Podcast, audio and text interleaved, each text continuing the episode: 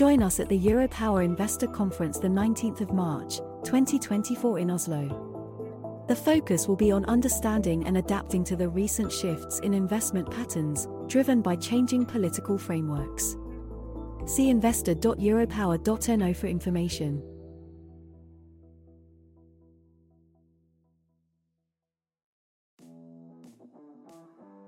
Pia, visste du at Europower nå har rundt 20 partnere som gjennom hele året publiserer annonsørinnhold på våre digitale flater?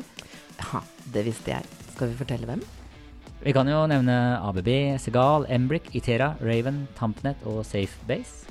Men kan vi ikke også nevne da NTNU Energi, Hafslund Oslo Celsio og Energi, Fornybar Norge, Skagerrak Energi og Eveny? Ja, så er det jo mange flere også, eh, men dette var nok reklame. Du kan bli mer kjent med våre partnere på partner.europower.no. Sånn. Da går vi i gang med podkasten. Gjør vi ikke det? Jo, helt enig.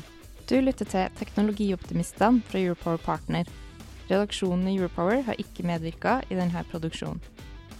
Hei, og velkommen til Teknologioptimistene, en podkast for IT-beslutningstakere i fornybar energibransje.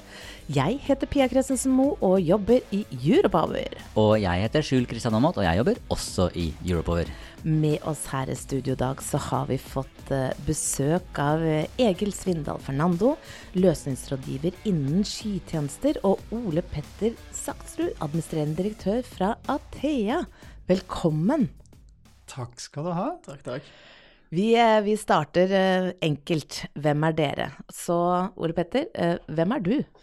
Jeg pleier å si at jeg er en enkel fyr fra Hamar og Hedmarken. Eh, så jeg holder fast ved det. Eh, ganske jordnær og enkel fyr. Går det, går det an å være enkel og jordnær når du er CEO i et så stort selskap? Vet du hva, det flyr ganske bra, faktisk.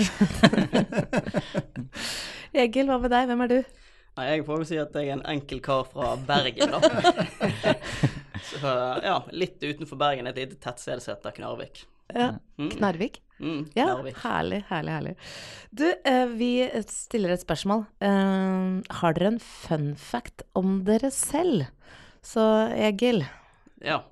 Den var jo litt tøff, da. Jeg satt og tenkte på det på veien bort her. Men det må vel være at jeg har dykket under et jordskjelv i Malta. Oi. Oi. Ja. Hvordan var det? Ja, det sier jeg altså. Hvordan var det? Ja, Det høres veldig dramatisk ut, men det var ikke det. Uh, du merket egentlig ingenting. men vi fikk fortalt at det var et jordskjelv når vi var under vann, da. Ja.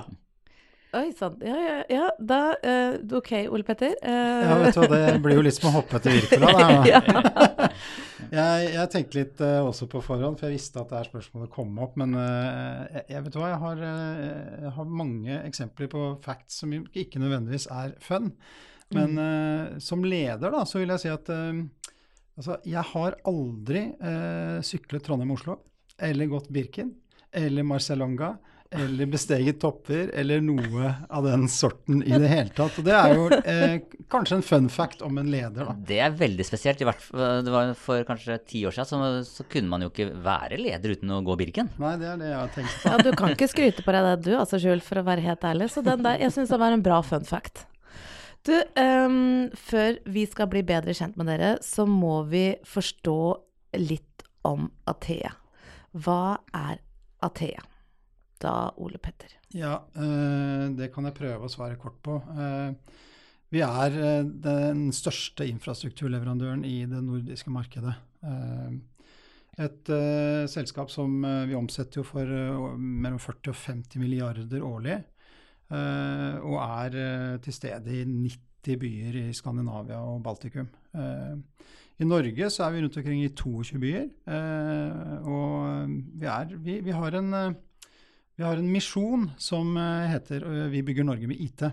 Og det sier vel litt om hvordan vi ser på oss selv, og, mm, liksom mandatet eller eksistensberettigelsen da, til selskapet. Nå, eh, jeg, jeg må bare litt tilbake til det at du ikke har sykla Birken. For, jeg, for, jeg, for når jeg sykla Birken, så sykla jeg, sykla jeg bak ganske mange med sånne Athea-sykkelshorts. Så, så det responser jo det. Altså jeg bare ser litt sånne Athea Og det er litt flaut at jeg sykla bak dem, da. Men, Du, vi har en veldig aktiv Ja. sykkelgruppe i Athea fortsatt. Ja. De drar på treningsleir og alt mulig rart. Men eh, nå høres jeg veldig lat ut her, og jeg må bare få korrigere før vi går videre. At eh, bakgrunnen for at det er sånn, det handler litt om min karriere. For jeg har eh, nemlig tett, ja, rundt elleve år i Forsvaret bak meg. Ja. Så jeg gjorde ganske mye. Altså jeg utfordra meg sjøl eh, og har gått langt, båret tungt, spist lite, sovet lite i eh, veldig mange år. Så når jeg runda da, eh, slutten av 30-40-åra der omkring, så hadde ikke jeg det behovet for på en måte å bevise noe for meg sjøl, som kanskje andre i litt større grad har. Så det er, det er veldig enkelt. Been there, done that, got the T-shirt, moving on. Litt sånn. Når jeg var i Forsvaret, så, så satt jeg på Sintef og programmerte. Eh, ok. Um, vi, vi, vi prøver å gå videre. Eh, Egil, løsningsrådgiver. Hva består din hverdag av?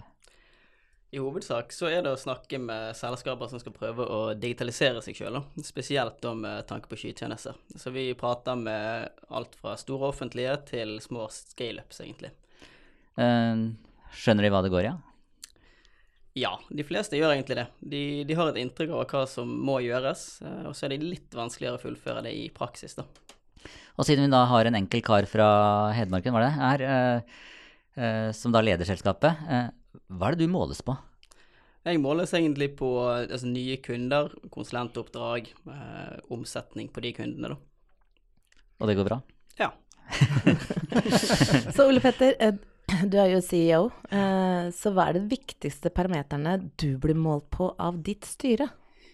Det er jo de tradisjonelle kopiene man er opptatt av. Så Athea har lenge, vært et selskap som har vært veldig opptatt av vekst, og vi har hatt veldig stor vekst gjennom 10-15 år nå. Eh, der hvor vi er nå på reisen, så er det eh, egentlig to elementer som er viktige. Det ene er det transformative, som går liksom på eh, å, å, å få Athea i større grad eh, opp som et kompetansehus enn det vi kanskje tidligere har vært. Eh, I tillegg til produktdimensjonen, bygge mer kompetanse, være mer aktiv i dialogen med kundene som rådgiver osv. Flytter dere over til konsulent, med mer Ja, vi har, Ja, vi har holdt på med det i ganske mange år, men uh, kan være ærlig nok å si at vi er ikke fornøyd med måten vi har vokst den delen av selskapet på. Så det er jo en et åpenbart område som vi jobber med. Og så er det den andre dimensjonen som alltid er viktig i et selskap som når en viss størrelse, det er at vi klarer å, å fortsette å vokse med en god lønnsomhet. Da. At vi klarer å på en måte, eh, være lønnsomme med veksten, og ikke bare vokse for vekstens skyld. Eh, dere er på børs. Mm. Eh, fra oktober 2022 til november 2022 så steg kursen skikkelig. Eh, hva var det du gjorde da? ja, jeg skulle ønske at jeg, at jeg forsto de mekanismene på børsen. For noen ganger så har jeg inntrykk av at det er makrobildet som, eh, som er det som styrer alt. Andre ganger så kan det være spesifikke selskapsnyheter. Eh, Men det er klart noe av det som eh, har vært utfordrende de siste par-tre årene, har vært at vi har hatt en pandemi som har blitt etterfulgt av leveranseutfordringer på en del komponenter, og så kommer det en krig, og så kommer det inflasjon. Så, så vår forretning de siste to til tre årene har jo variert litt i forhold til hvordan vi presterer med de eksterne og interne forholdene. Da. Så um, hva som skjedde akkurat i 2022, det, det Så det var ikke en knapp du trykka på? Nei, det var ikke det. Og jeg er også en del av et større konsern og har respekt for at svenskene f.eks. er jo prosentvis eh, litt større enn oss i den sammenheng. Så nevner du pandemi, du nevner krig, eh, og nå det siste så har jo bankene begynt å, å Altså, eh, man kan kanskje ikke lenger si sikkert som banken. Hvordan er det å være toppsjef i en så uforutsigbar verden? Godt spørsmål. Jeg kom jo faktisk inn i Athea tolv dager før lockdown, så jeg har eh, på en måte i Snakk om start, da. Så du rakk ikke å treffe kolleger, eller? Nei, egentlig ikke. Og vi satt og, eh, og jobba med eh, transformasjon på Teams, eh, så det har jo vært krevende. Men, men eh, jeg har egentlig konkludert med, og sa det forleden jeg sto på scenen i en annen sammenheng, at jeg tror jo det at vi er kommet litt i en tid nå hvor uh, det vi nå har sett de siste to-tre årene, blir mer normalen enn det, enn, enn det vi så de ti foregående årene. da.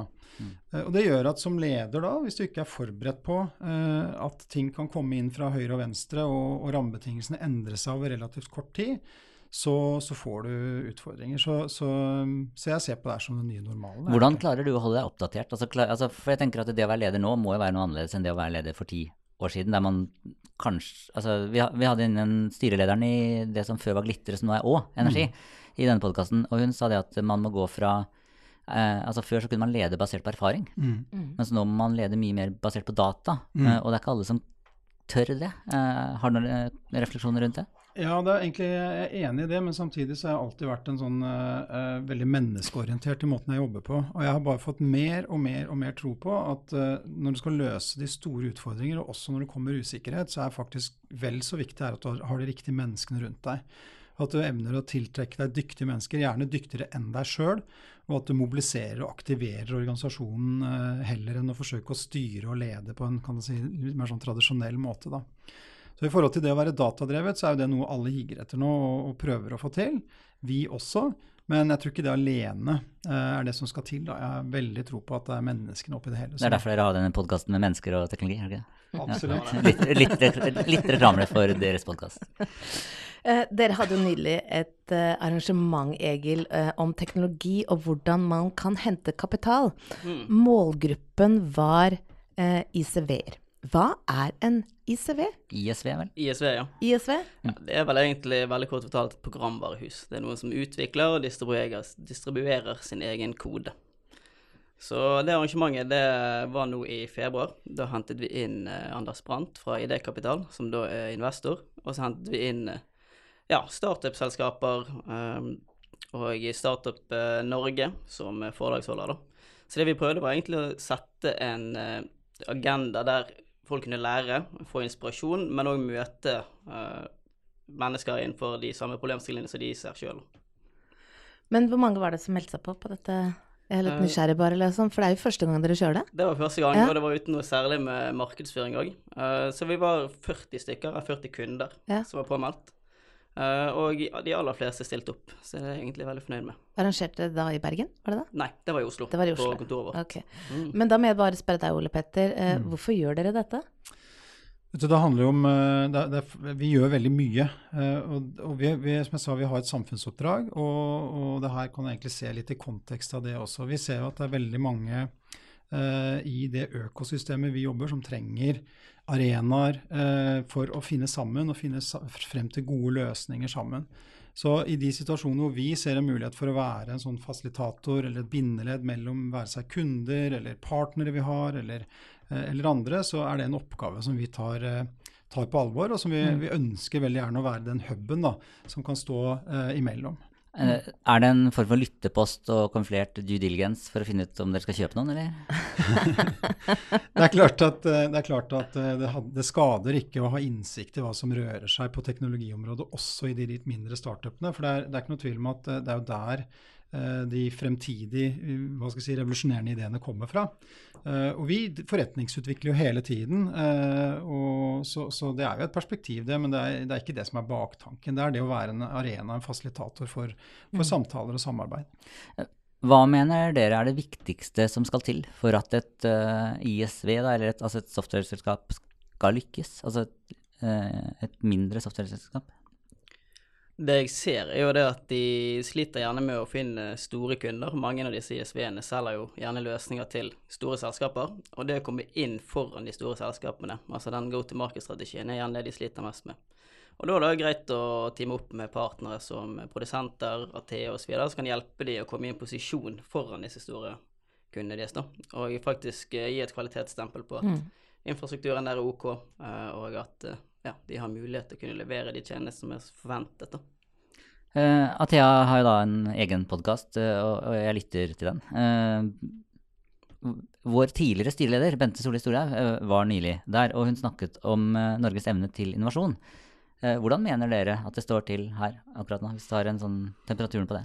Ja, det er vel eh, egentlig et potensielt veldig langt, eh, langt diskusjonstema. Men, men det er klart, eh, vi er i den heldige situasjonen i Norge at vi har en veldig eh, kompetent befolkning sånn på digitalisering. Det er veldig bra. Vi har kommet langt i det offentlige på, på veldig mange offentlige tjenester. Men jeg, du ser jo også det at gjennom de siste to til tre årene nå, så har det stoppet opp litt. Eh, og veldig mye av det handler bl.a. om datadeling, eller deling av data. Altså det er siloer. Ja, det er fortsatt eh, dessverre litt for mye av det. og Hvis du går ut og spør, Det har eh, vært lagd noen rapporter på det her. og Hvis du går ut og spør ute blant de store offentlige virksomhetene for eksempel, og kommunene, hvor mange som tenker på eller ønsker å dele data uh, uoppfordra, så er den prosentandelen veldig veldig lav. Har vi noe å, de, å lære av f.eks. Karl Jonny Hersvik i Aker, altså fra oljebransjen der? Han har vært i Aker BP. Han har vært veldig på det med datadeling. Ja, jeg, tror, jeg tror det mindsettet da, med at uh, det her er noe man egentlig ikke har noe valg uh, om å gjøre, det handler mer om uh, hvordan. og så er det et kulturelt mindskifte. At en toppleder går ut såpass tydelig og mener noe om det her. Det har en effekt i forhold til resten av organisasjonen. Og det er ofte det som skal til da, for å i hvert fall sette i gang de riktige bevegelsene. de fleste organisasjoner er jo også silodelt internt. Så du har liksom problemstillingen både mellom etater, virksomheter og selskaper, og så har du den interne silodelingen hvor det ikke nødvendigvis alltid er de som sitter med dataene, som er de som sitter i front på forretningsutviklingen. Pia, visste du at Europower nå har rundt 20 partnere som gjennom hele året publiserer annonsørinnhold på våre digitale flater? Ja, det visste jeg. Skal vi fortelle hvem? Vi kan jo nevne ABB, Segal, Embrik, Itera, Raven, Tampnet og Safebase. Men kan vi ikke også nevne da NTNU Energi, Hafslund Oslo Celsio og Energi, Fornybar Norge, Skagerrak Energi og Eveny.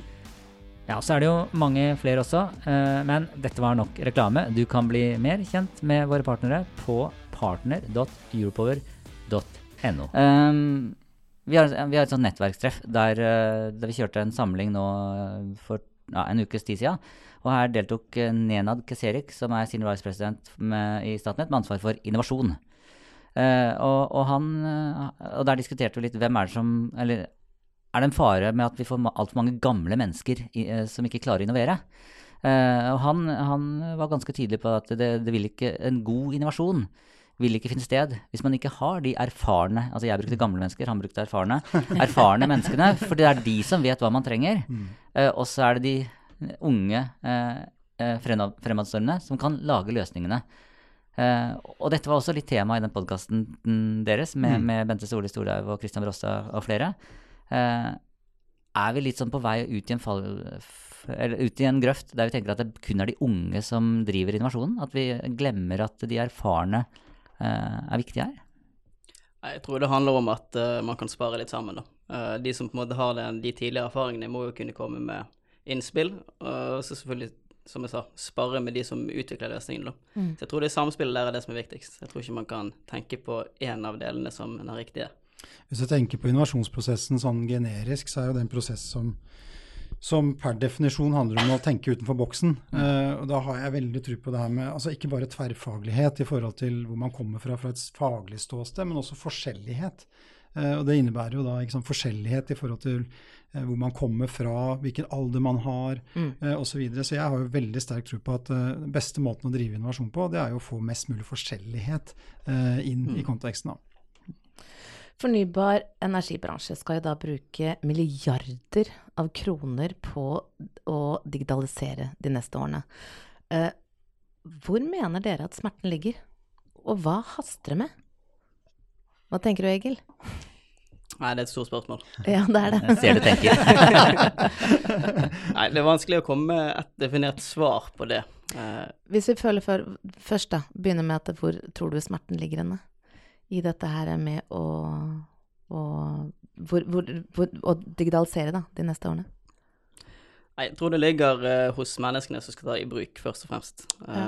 Du kan ha masse gode verktøy uh, og masse god software, men med mindre du klarer å få med en organisasjon og de menneskene som skal utføre det, så tror jeg det, mm. det blir vanskelig. Så jeg tror man må starte der, da. En annen ting som er viktig der, tror jeg, det er jo Ser du på prognosene for IT-hoder som det er behov for i det landet her, så snakker man jo om rundt 40 000 for få innen 2030. og det er klart Energibransjen er ikke den eneste bransjen som ønsker å digitalisere. Det, det, det gjør jo de aller fleste bransjer i større eller mindre grad.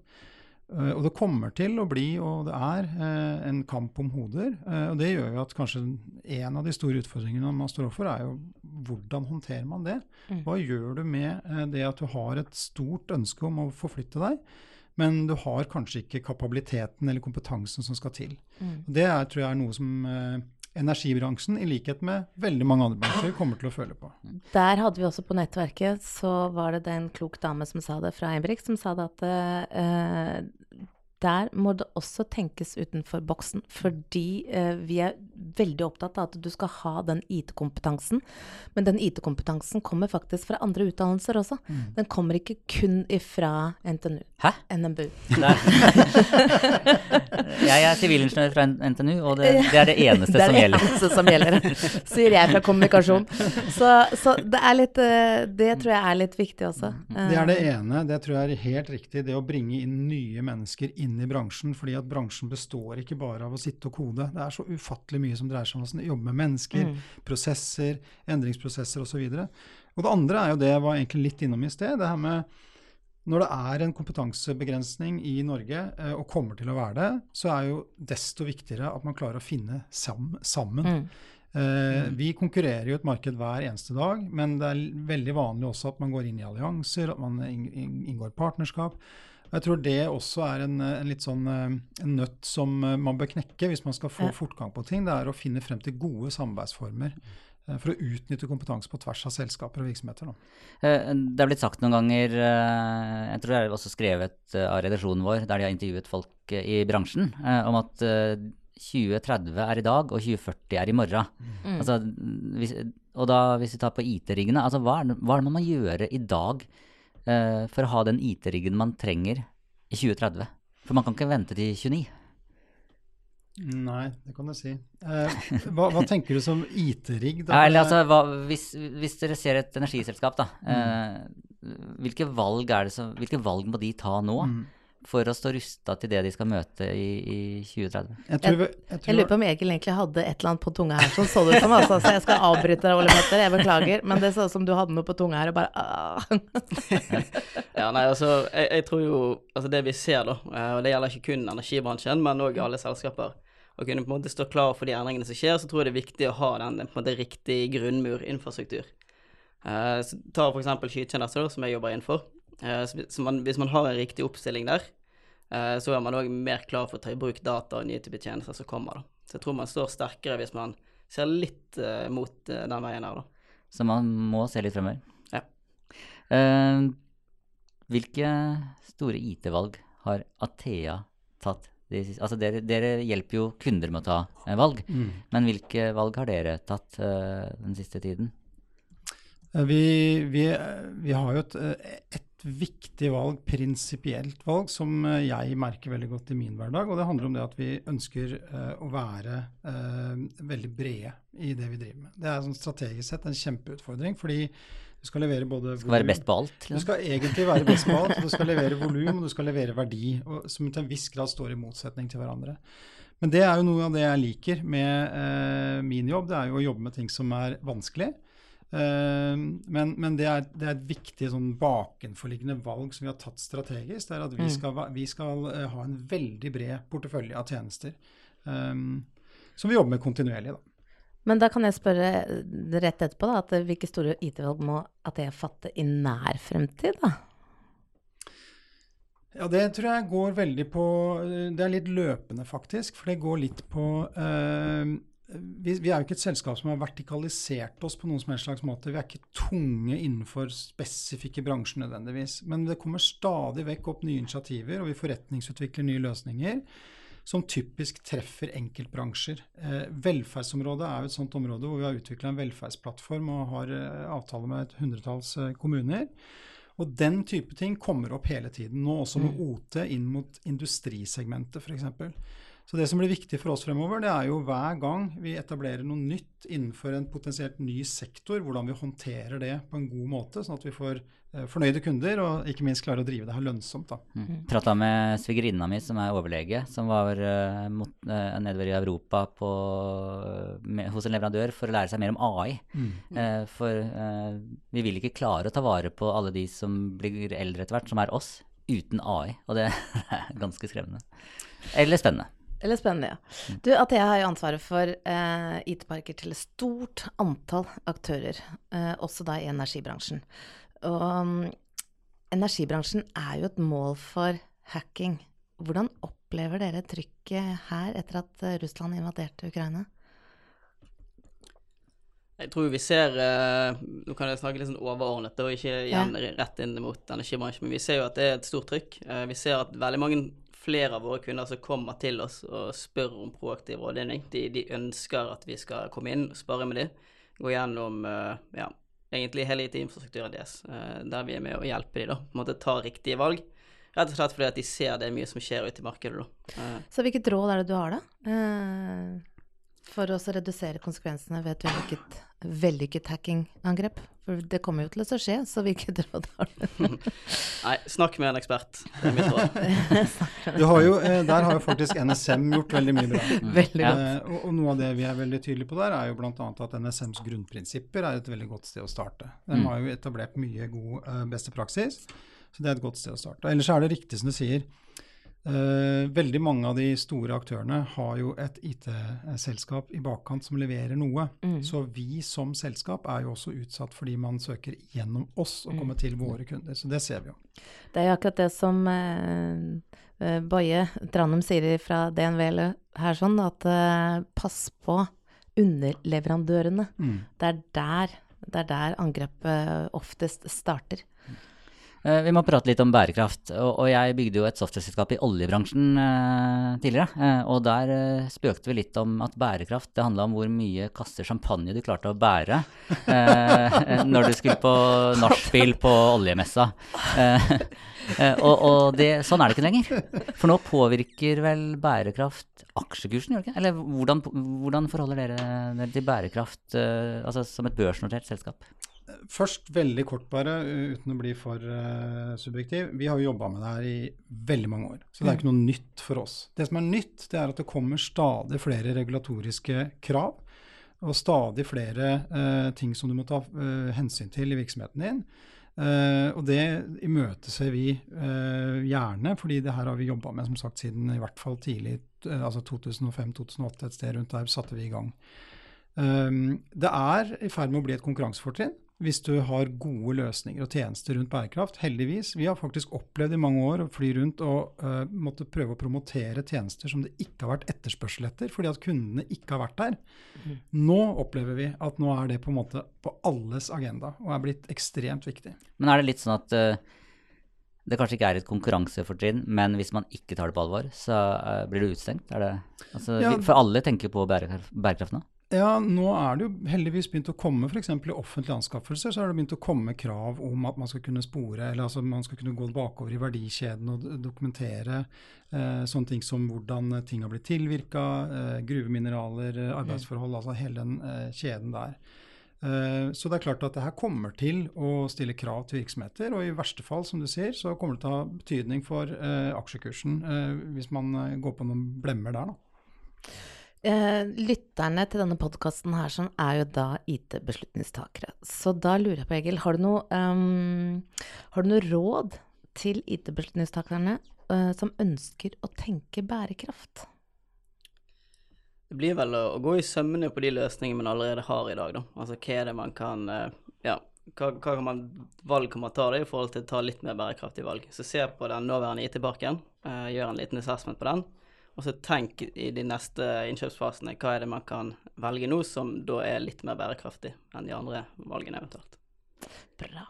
Før vi avslutter her, så har vi et eh, standardspørsmål til alle som deltar i denne podkasten her. Min første datamaskin, det var en Amiga 500. Min første datamaskin var en High Note Ultra. Eh, og Egil, hva var din første? Du, jeg husker ikke hva det var. Jeg husker Vi hadde et datarom der meg og min søster hadde kranglet litt sånn febrilsk om hvem som fikk ha den, eh, den store datamaskinen. Da. Så, men jeg husker ikke hvilken type det var. Ole Petter, hva med deg? Du, vet du hva, jeg kom veldig sent på banen på teknologi, faktisk. Det er kanskje en annen fun fact. Eh, så min første var faktisk en jobb-PC, men hvis, den, hvis det er den første personlige det eh, dreier seg om, så var nok det en sånn som du kunne bygge på Dell sine sider en gang Ja. i tiden, hvor du kunne velge prosessorkraft og lagring og alt mulig sånt noe. Og neonlys og Riktig. Så Du det var, du var gang- litt nerd. En gang på 90-tallet. Ja, jeg ble det da. Da gjenstår det bare å si tusen takk til dere, Ole Petter og Egil, for at dere tok dere tid til å delta her på podkasten Teknologioptimistene. Eh, tusen takk til deg som lytter. Mitt navn er Pia Christensen Moe, og jeg er en eh, teknologioptimist. Og jeg heter Skjul Kristian Aamodt. Jeg er også en eh, teknologioptimist. Og Ole Petter, hva er du? Jeg er definitivt en teknologioptimist. Og Egil, hva er du? Jeg er en teknologioptimist, jeg òg. Eh, og, og så innledet jo eh, Ole Petter med å si at han, eh, noe av det å være leder var jo det, med å være leder var jo det å, å, å få, få tak i personer som var flinkere enn seg. Så du kan jo Nå er ikke dette en medarbeidersamtale, men eh, eh, du får ta med deg det. ok. Da sier vi bare Takk, for, oss. Pia, visste du at Europower nå har rundt 20 partnere som gjennom hele året publiserer annonsørinnhold på våre digitale flater? Ja, det visste jeg. Skal vi fortelle hvem? Vi kan jo nevne ABB, Segal, Embrick, Itera, Raven, Tampnet og Safebase. Men kan vi ikke også nevne da NTNU eh, Energi, Hafslund Oslo Celsio og Energi, Fornybar Norge, Skagerrak Energi og Eveny? Ja, så er det jo mange flere også, eh, men dette var nok reklame. Du kan bli mer kjent med våre partnere på partner.europower.no. Join us at the Europower Investor Conference the 19th of March, 2024 in Oslo. The focus will be on understanding and adapting to the recent shifts in investment patterns driven by changing political frameworks. See investor.europower.no for information.